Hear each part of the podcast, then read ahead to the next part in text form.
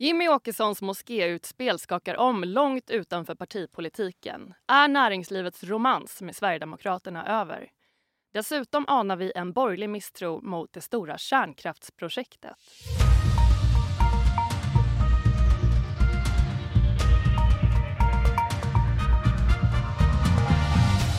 Är tisdag 28 november. Du lyssnar på Politikrummet, Expressens nyhetspodd om svensk politik. Jag heter Filippa Rogvall och med mig i studion som vanligt Expressens politikreportrar Thomas Nordenskjöld. Hallå, hallå. Hej och Annette Holmqvist. Hej, kul Hej. att vara här igen. Det är livat i svensk politik just nu. Uh, Ulf Kristersson blev utbuad från en after work i Göteborg. Han talade om Israel och folkrätten. Mm. Märta Stenevi råkade lajka ett antisemitiskt inlägg av Stina Wolter och sen avslutades helgen med att Jimmy Åkesson vill eh, riva moskéer.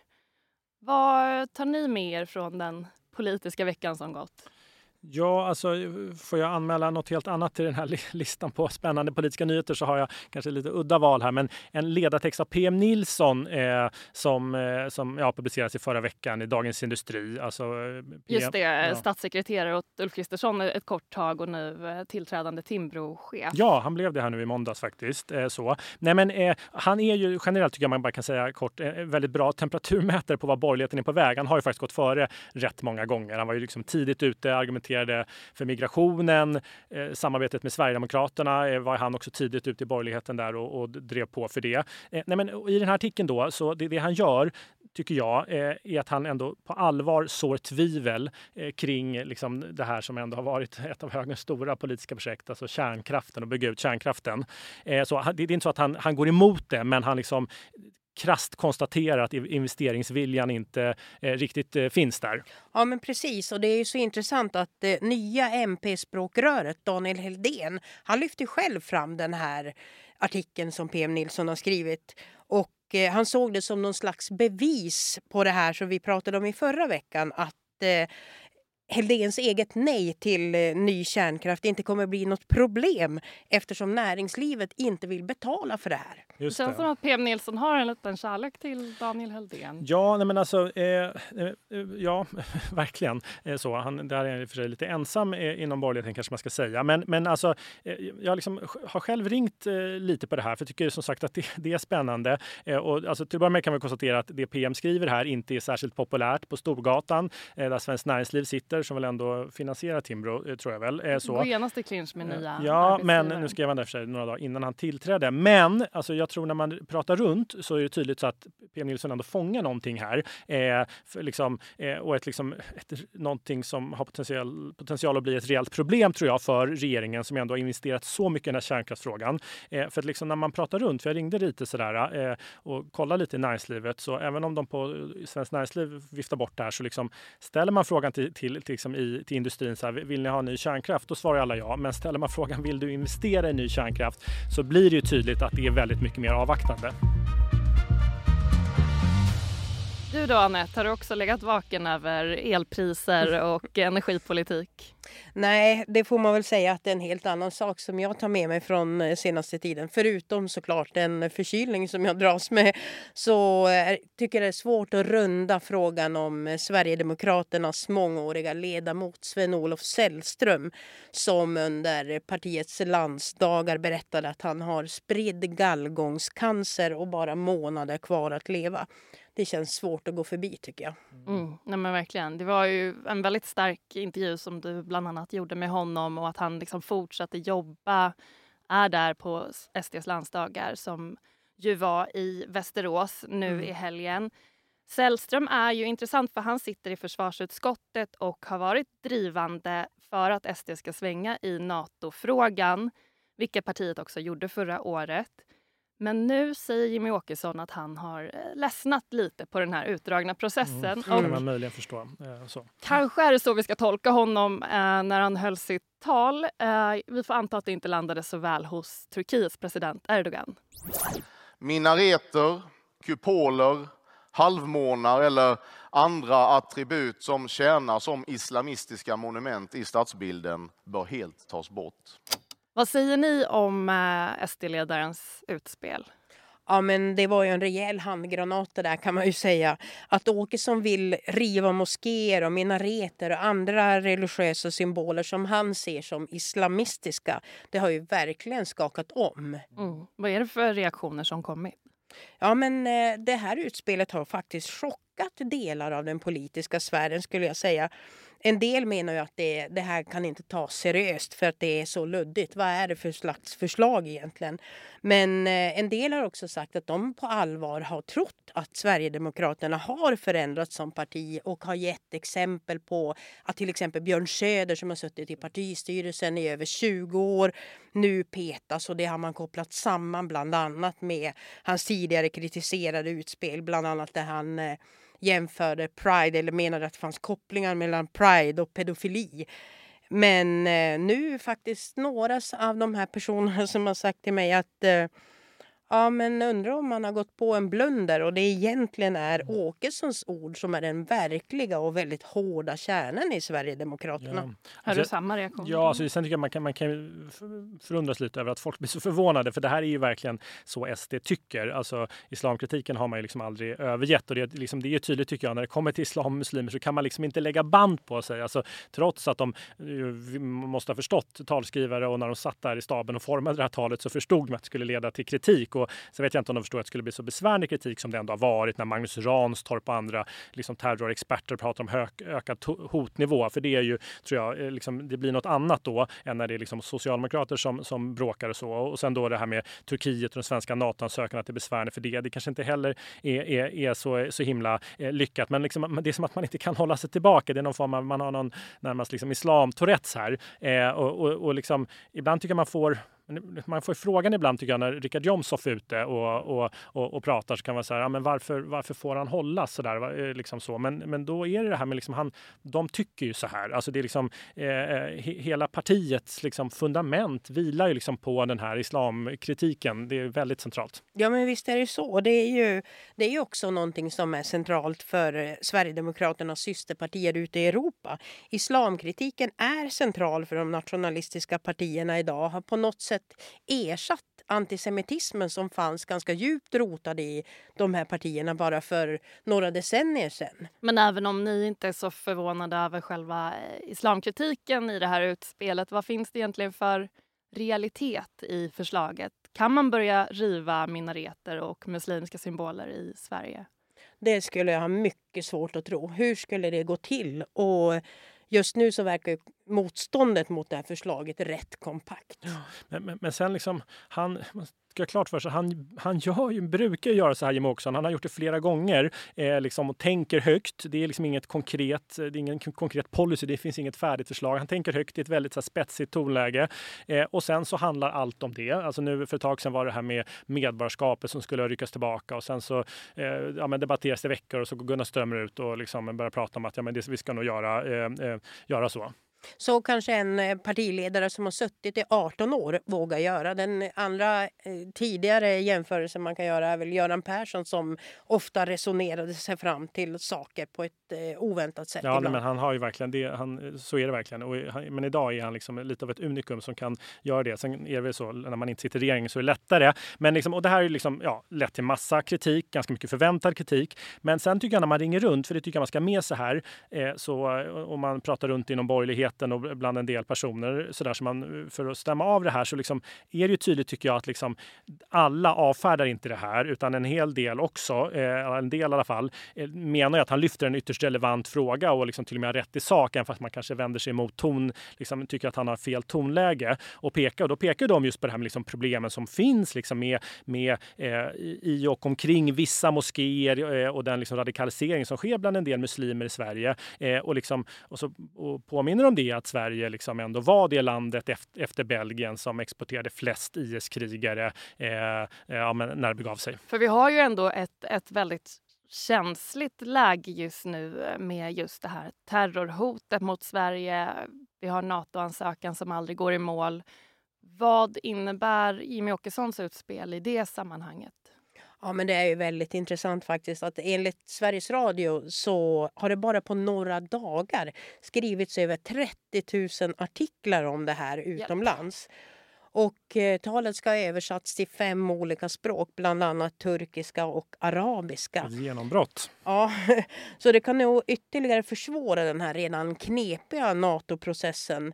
Och eh, det sägs också finnas en risk för att det förstärker den här seglivade bilden som nu har satt sig om att Sverige är ett islamofobiskt land. Mm. Man kan ju fråga sig om NATO-processen kan liksom, den verkar stå rätt still även innan detta, men verkligen. Eh, nej, men sen, det, liksom hela den här säkerhetsaspekten eh, eh, var ju det eh, och liksom, eh, just oron för att det ska leda till ökad hotnivå mot Sverige. Det var ju det som fick regeringen eh, och Ulf Kristersson att gå ut så snabbt och även på engelska och på Twitter och liksom tydligt ta avstånd från det här.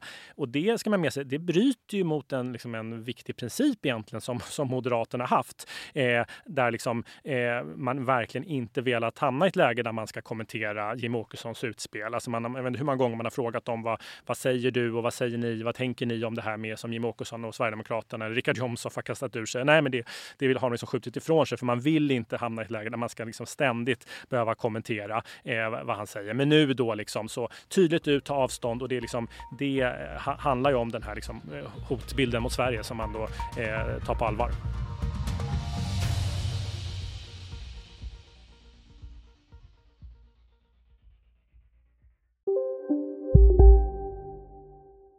Har du också valt att bli egen? Då är det viktigt att skaffa en bra företagsförsäkring. Hos oss är alla småföretag stora och inga frågor för små. Swedeas företagsförsäkring är anpassad för mindre företag och täcker även sånt som din hemförsäkring inte täcker. Gå in på swedea.se företag och jämför själv. Hej, Ulf Kristersson här. På många sätt är det en mörk tid vi lever i. Men nu tar vi ett stort steg för att göra Sverige till en tryggare och säkrare plats. Sverige är nu medlem i Nato. En för alla, alla för en. Vi som följer svensk politik är som sagt ganska vana vid Sverigedemokraternas eh, islamtourettes eller vad man nu vill kalla det för. Men vad tror ni var syftet med Jimmie Åkessons utspel? Ja, alltså till att börja med så tycker de ju så här. Det är väl liksom grundaspekten här. Men sen är det ju så att de har, gör bedömningen, strategerna i partiet, att de tjänar på att liksom flytta fram positionerna, piska upp en stämning, liksom att laddningen kring partiet eh, ska bestå. Det vill de ju verkligen. De är rädda för eh, att den ska försvinna. Allt det här pratet om Åkesson som statsminister gör att de är rädda att bli sedda som ständ... etablissemanget. Ja, det är liksom en ständig balansgång för dem såklart. Men sen när man liksom pratar med liksom analysen i regeringen regeringskansliet, alltså man, inte de sverigedemokratiska tjänstemännen utan man pratar med liksom moderater och andra där, så är det ju, de, de tror ju inte det den här gången. De tror att liksom SD gick bort så här eh, eh, och att den här kritiken kring liksom, som kommer från ja, men Magnus Ranstorp och andra liksom, om att det eh, kan leda till en ökad hotnivå, att det verkligen mm. är eh, skadligt för SD. Och sen ska man ha med sig här att Sverigedemokraterna numera är ett parti på över 20 procent. Eh, de har liksom stora breda väljargrupper eh, som röstar på dem och det liksom gör ju att det inte är lika lika säkert. Alltså frågan är, det kan ju finnas ett antal procentenheter av de där 20 som, som får en klump i magen och tycker att det är obehagligt det här med när terrorexperter och andra säger att det är farligt det här. Ja visst är det så. Den här frågan den eh, på något sätt både upprör och förbryllar ju i regeringskretsen. Någon som jag pratade med sa att eh, det här är väl ännu ett exempel på det Åkesson gör. Att han skruvar upp tempot och får massor av uppmärksamhet i media någon dag och sen går han ut och så kyler han ner. Och det var ju mm. precis det som hände den här gången. Han gick ju ut eh, ja det var väl igår senast, i en debattartikel i Aftonbladet där han nyanserade sig. Mm. Och en del menar också att det här är en strategi som Sverigedemokraterna har i att flytta fram eh, positionerna i väldigt kontroversiella frågor. Att det är liksom två steg fram och ett tillbaks ja, hela tiden. Ja, men verkligen. Nej, men det är väl just liksom det, det som... Det är egentligen ingenting nytt i detta. Eh, de har ju tyckt så här länge som sagt, men det som är nytt är ju Sverigedemokraternas maktställning. Det är det som, som, som gör, tillför ny laddning och gör det här mycket känsligare. Precis, så är det ju. Och Eh, i förlängningen kan ju det här faktiskt eh, komma att påverka människors säkerhet och NATO-processen men också ekonomin, alltså affärerna med andra länder. Det är i alla fall en risk som företagen ser.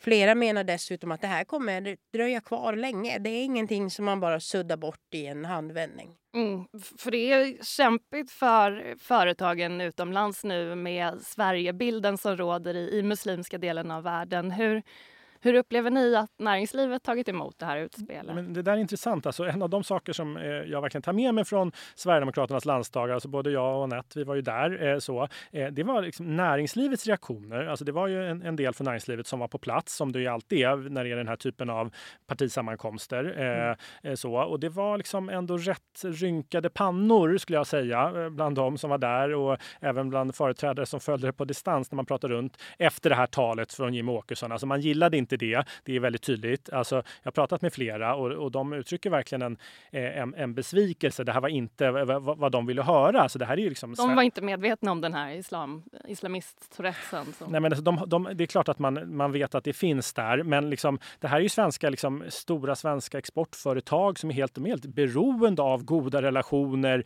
eh, med alla möjliga länder och liksom en positiv bild av Sverige även i Mellanöstern. Ja, men precis så är det. Och många tycker ju att Åkesson tog det alldeles för långt den här gången. Och eh, några som jag pratade med sa till och med att det här är värre än LVU-kampanjen och koranbränningarna. Just eftersom det läggs ovanpå det som, de problem som tidigare fanns. Och dessutom sägs av en person med så nära koppling till regeringen. Vilket gör att det kan tolkas som att det är en, någonting som faktiskt Sverige tycker. Men hur påverkas de här företagen egentligen? Ja, men det är ju väldigt oklart om det här senaste har hunnit påverka på något dramatiskt sätt. Men eh, flera företag vittnar ju att de redan har stora problem, framför allt i muslimska länder. Och att det här var verkligen inte vad som behövdes. Och eh, det pratas också om att eh, många företag har tvingats tona ner det svenska. Det som tidigare öppnade dörrar, idag är det någonting som man inte längre vågar skylta med. Plocka bort alla dalahästar från fönstret. Ja, precis. Och att man också försöker genom sina lokalanställda, alltså de som talar språket och som har sin bas i de här olika länderna, för att eh, försöka sätta en annan bild av Sverige och kyla ner stämningen. Mm. Nej, men liksom, näringslivet, man kan säga, liksom, de är ju superpragmatiker. Alltså de, ja. eh, verkligen, alltså de, eh, alltså kanske, det finns undantag. Svensk Näringslivs Mediaservice kanske inte ska, kan kategoriseras som superpragmatiker för de som är inne på eh, olika sociala medieplattformar och så och följer dem. Men alltså, eh, liksom exportföretagen, de stora ledande näringslivsaktörerna, de är väldigt pragmatiska. De vill ju helst av allt att alla bara ska sitta runt ett bord och, eh, och, och göra upp så. Ja, det här är inte personer som gillar högt tonläge och konfliktsökeri direkt. Nej, men liksom, exakt. Och det, och, ja, men, ta Wallenbergsfären eh, till exempel. Då. Alltså, det är ju, eh, de, de, har byggt hela sin liksom, framgång på eh, liksom, väldigt goda politiska relationer och dessutom en rätt pragmatisk svensk utrikes politik. Alltså, eh, Stefan Löfven, han, liksom, det var ju en av hans stora grejer att han reste runt och det var olika industrimässor och allt vad det nu var. Och han hade ju hela tiden med sig eh, liksom ledande näringslivs, näringslivsföreträdare. Alltså, som när han var i USA, besökte Donald Trump i Vita huset. Så du var där? Ja, ja. jag var där. eh, och då, eh, jag menar liksom kusinerna Wallenberg, Jakob och Marcus heter de väl eh, på främsta raden. Börje Ekholm som vd på Ericsson och Saabs vd var väl också där. Alltså hela Wallenbergsfären var representerad. Eh, liksom, och det är lite så det eh, ser ut och, och även idag. Jag menar, jag vet att eh, eh de, de har ju arbetat aktivt, försökt verkligen för att förbättra relationen, Sveriges relation i Mellanöstern, bilden av Sverige. Jag tror att Börje Ekholm har även varit involverad där, men nu med liksom företrädare för nuvarande regeringen. Men liksom, när man ringer runt nu eh, så är det liksom tydligt att det är liksom väldigt hårda omdömen om det här som Jimmie Åkesson har sagt med just anledning av det här. Alltså man gillar verkligen inte det här och det var liksom, ingen vill gå ut med namn, man vill inte hamna i polemik med liksom ett stort parti på det här sättet sättet eh, ta politisk ställning. Så här. Men, men det var en som jag pratade med som sa att det, liksom, det här är djupt olämpligt och ansvarslöst. För näringslivet är ändå på plats här på Sverigedemokraternas landsdagar och det är inte heller första gången som de visar intresse för just SD? Nej, men alltså så är det ju. Alltså, näringslivet de ju, har varit måna om att liksom, eh, ha relationer med Sverigedemokraterna och man skulle säga att de också var, alltså Svenskt Näringsliv, de var ju först med eh, och gick före politiken med att skapa relationer och bygga relationer med, eh, med Sverigedemokraterna. Det här var ju, liksom lite, var ju rätt kontroversiellt när det skedde, eh, ja, men runt valet där 2014. Du som D-reporter lyckades väl avslöja en del eh, ja, kontroverser? Ja, men precis. Det, liksom, det lobbingen som var, det var liksom en väldigt omfattande lobbying mot Sverigedemokraterna. Alltså Marcus Uvell, eh, eh, som då var vd på Kreab, eh, han var för övrigt också på plats där på landsdagarna. Han, han var ju väldigt tidig med det och liksom, han och andra liksom, de eh, var liksom, de bidrog ju någonstans i sitt uppvaktande och relationsbyggande till att föra eh, Sverigedemokraterna åt höger. Alltså det här var ju någonting liksom otroligt definierande för svensk politik som hände under de här åren eh, där liksom Sverigedemokraterna verkligen blev ett högerparti. Alltså mm. den ekonomiska politiken och synen på företagen. Man svängde om vinst i välfärden. Och liksom, jag vet att man pratade på den tiden med företrädare för Svenskt Näringsliv som var helt förundrade och bara konstaterade att de tar våra program och kopierar rakt av och lägger in i, vårt, i sitt partiprogram. Det var ju som en dröm. Ja, men så var det. Och Sverigedemokraterna var ju ett parti som det var väldigt tacksamt att lobba mot på den tiden tiden. Speciellt som eh, motparten, alltså LO, inte lobbade mot dem. Eh, Av principiella skäl? Då, ja, eller? precis. Uppvaktningen kom liksom bara från ett håll. Och Eh, ett tag var det ju så att näringslivslobbyisterna i princip stod i kö utanför Sverigedemokraternas riksdagskansli. Ja, men, verkligen. Men, sen tror jag att Sverigedemokraterna de är ju såklart fortfarande måna om liksom, eh, det här med att näringslivet är på plats på deras landsdagar. Man tycker det är viktigt och så. Men eh, liksom, näringslivets frågor generellt, liksom, det är ju inte de som står på högst upp på dagordningen i den politiska debatten. Och liksom, man är kanske inte lika liksom, ängsliga för att få näringslivets support. Det här var liksom i början när de blev uppvaktade. De tyckte det var så flott att liksom, det var ens några som ville ville, liksom, ville träffa dem eftersom de politikerna är, inte ville det.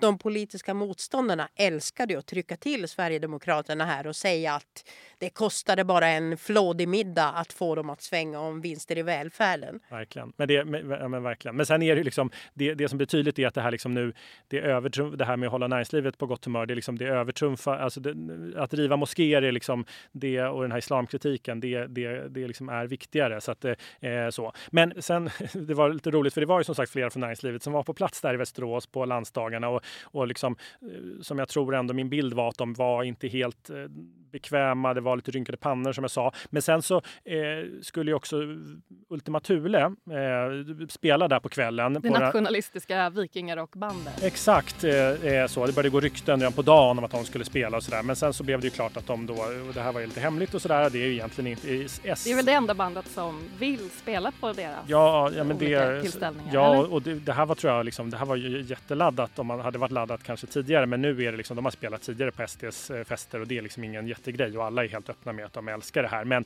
men för de här liksom näringslivsföreträdarna så blev det liksom en, de var liksom lite obekväma redan innan efter allt som hade sagts och det blev liksom en grej för mycket. Så de, var, de, de liksom packade och gick där innan Ultima Thule skulle dra igång. Okej, så näringslivet eh, diggar inte vikingarock, men vad säger Ulf Kristersson och regeringen om att SD eh, skärper tonen på det här sättet? Ja, men Kristersson tog ju avstånd från det här på en enda gång och eh, folk i regeringskretsen är väl både upprörda och frågande till Åkessons utspel. Men tydligen så ska inte Åkesson ha förankrat det här med de andra partierna innan han höll sitt tal. Och flera undrar varför gör han det? Vad vill han? Vad är syftet?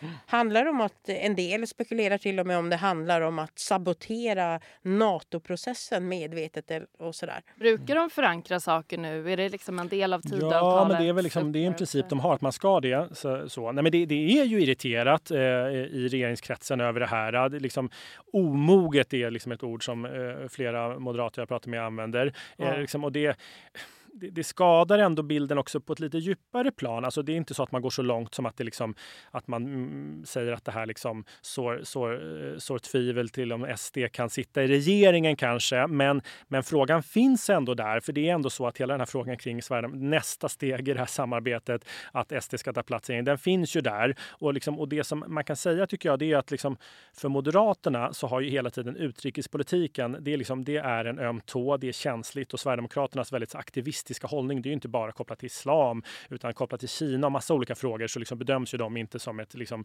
där har de inte bedömts. Det är ovanligt mycket utrikespolitik i svensk debatt just nu också. Ja men, ja, men det är verkligen och där, där har de inte känts liksom som där tycker moderater inte att de är regeringsdugliga, inte har varit det. Det har varit jätteviktigt för dem att liksom poängtera det när man gick in i det här samarbetet. Nej, men hallå, utrikespolitiken ligger faktiskt utanför. Men alltså den dagen då som Sverigedemokraterna ska sitta med i regeringen, vilket ju liksom blir en höga majoritet i nästa val, ja, men då ska SD sitta med, det verkar de flesta utgå från. Ja, men då såklart så, så kommer utrikespolitiken, eh, kommer Sverigedemokraterna inflytande över den och det är, det är känsligt. Ja, men jag vet inte vad du har hört Thomas, men några som jag pratade med menar att även om Kristersson har fördömt uttalandet så kommer den här, det här tjafset kring Åkessons eh, eh moskéuttalanden vara någonting som samordningskansliet eh, kommer vara tvunget att hantera. Ja, men och, speciellt om det ska bli konkret politik av det antar jag. Precis, precis. Och eh, också flera stycken har sagt att det är viktigt i ett sånt här läge, alltså från regeringshåll då, mm. att klara att hålla två tankar i huvudet samtidigt. Dels att poängtera utåt att det här som Åkesson säger, det är inte en svensk linje. Men också fortsätta att eh, tydligt fördöma islamism. Mm, verkligen. Men det låter det är ju inte som att det här är något som hotar samarbetet. Nej, men det, nej, men det är inte sådär. Och det är liksom parallellt med det här eh, eh så har det pågått förhandlingar på Harpsund. Jimmie Åkesson kom ju direkt till landsdagarna där från de här förhandlingarna på, med de andra Tidöledarna på Harpsund och, och det, det har inte riktigt nått i mål. Men eh, liksom generellt så är så ju... Klart att det var på Harpsund. Alltså. Ja, ja eh, verkligen. Men, eh, eh, jo, men, men alltså, generellt så är ju bilden att det, liksom, det går ju bra det här samarbetet. Den bilden får man egentligen från alla inblandade. och även, och nu ska ju då nya eh, frågor införas in i det här Tidöavtalet på något sätt. Vi får se hur omfattande det blir, men ändå. Eh, men då, eh, återigen, det det, det, liksom, det det gör är att det liksom någonstans finns vissa tvivel kring nästa steg. Att Sverigedemokraterna i regeringen och om de nu ska få sitta med i regeringen så får jag en väldigt stark känsla av att Moderaterna kommer hålla hårt utrikesministerposten. Å andra sidan finns det nog många poster de vill hålla hårt i. Men ja, så är det nog.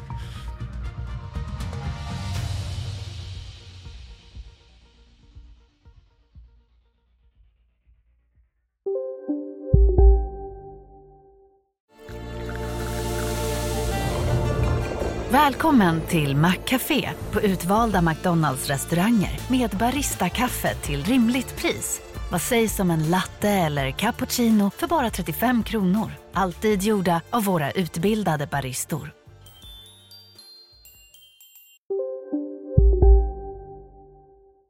Även Socialdemokraternas partiledare Magdalena Andersson reagerade väldigt skarpt mot Åkessons moskéutspel och eh, tyckte att här går gränsen. Nu måste regeringen slänga ut SDs tjänstemän från regeringskansliet. Eh, att döma av reaktionerna från regeringen kommer kanske inte så bli fallet men hur mycket tål regeringen, tror ni?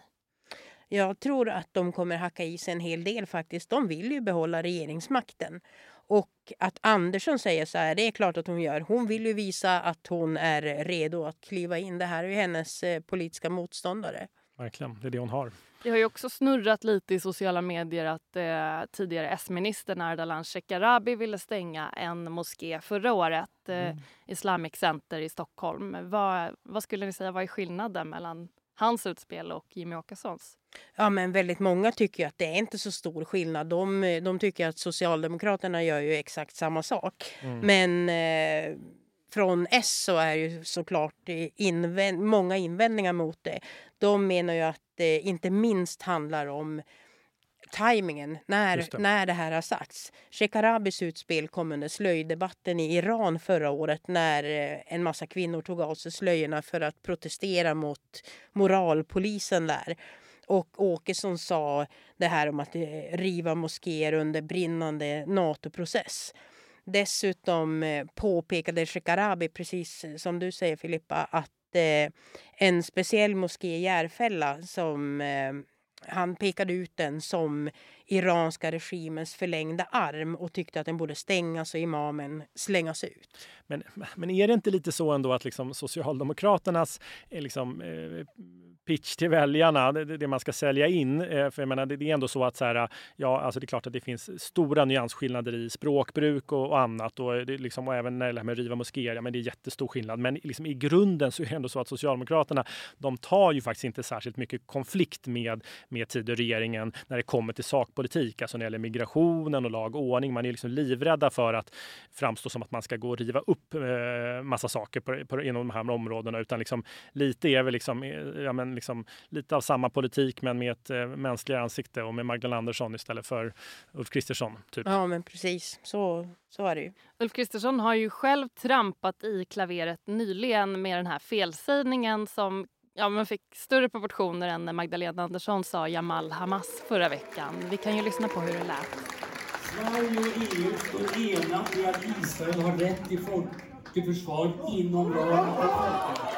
Även om ganska få tror att Kristersson faktiskt var på väg att säga folkmord här utan den klassiska devisen Israel har rätt att försvara sig inom folkrätten så har det här klippet fått rejäl spridning även utomlands. Sammantaget en ganska dålig vecka för Sverigebilden, eller vad säger ni? Ja, men Sverigebilden kan den bli sämre än nu skulle jag säga. Ja, men, eh, när det gäller sakfrågan så gick ju Magdalena Andersson ut och uppmanade folk att inte sprida den här felsägningen från Kristersson. Men vad hjälpte det? Föga. För hennes egna partikamrater kunde verkligen inte hålla sig. Nej. Annika Strandhäll till exempel, tidigare ministern, hon gick till försvar för dem som buade ut Kristersson och eh, några andra S-toppar de likade ett kritiserat inlägg från Amnesty som anspelade på att Kristersson sagt folkmord. Mm, nej men de är jätte, det här är man ju otroligt störd över i, i regeringen och liksom man tycker att Socialdemokraterna och Magdalena Andersson och liksom, eh, S-toppskiktet kommer alldeles för lindrigt undan och det har de väl kanske delvis gjort här också. Man, man undrar någonstans också tycker jag med liksom Annika Strandhäll som ändå liksom går i frontlinjen här hela tiden att man liksom låter henne hållas i Socialdemokraterna. Alltså, hon känns ju rätt mycket som någonstans som Socialdemokraternas svar på Hanif Bali, eh, ständigt i blåsväder. men, liksom, men, men skillnaden är ju liksom att Hanif Bali, han, han hade ju liksom en väldigt, ändå rätt betydande och stor hejaklack till höger. Jag vet inte du menar att ingen hejar på Annika Strandhäll? Alltså jag vet inte, men jag liksom, har hon verkligen en så liksom stor supporterskara? Jag vet inte hur mycket liksom, eh, hur, hur, hur liksom stor hennes väljarbas är, men, det, eh, ja. men, men liksom, hon, uppenbart, hon backas ju fortfarande upp av partiledningen, så är det ju. De menar ja. väl att ingen hänger på Twitter längre, eller X som det heter nu? Ja, fast det där är väl en sanning med modifikation. Jag tycker att när man pratar med folk i Socialdemokraterna om det här så finns det ju en del som suckar minst sagt hög, högljutt när det kommer till Strandhäll och säger saker som att ja, hon måste verkligen lära sig hejda sig med Twitteravtryckaren. Medan det finns ju också de som tycker att det är jättebra att hon står upp mot Sverigedemokraterna. Så jag skulle säga att det ligger väl som det alltid är i betraktarens öga. Hörrni, vi får se hur det går för Sverigebilden. Eh, det får bli sista ordet för idag. Politikrummet är tillbaka igen nästa vecka eh, och sannolikt med nya kriser att berätta om då. Tack för idag Thomas. Tack, tack. Tack Anette. Tackar. Och tack för att ni lyssnar.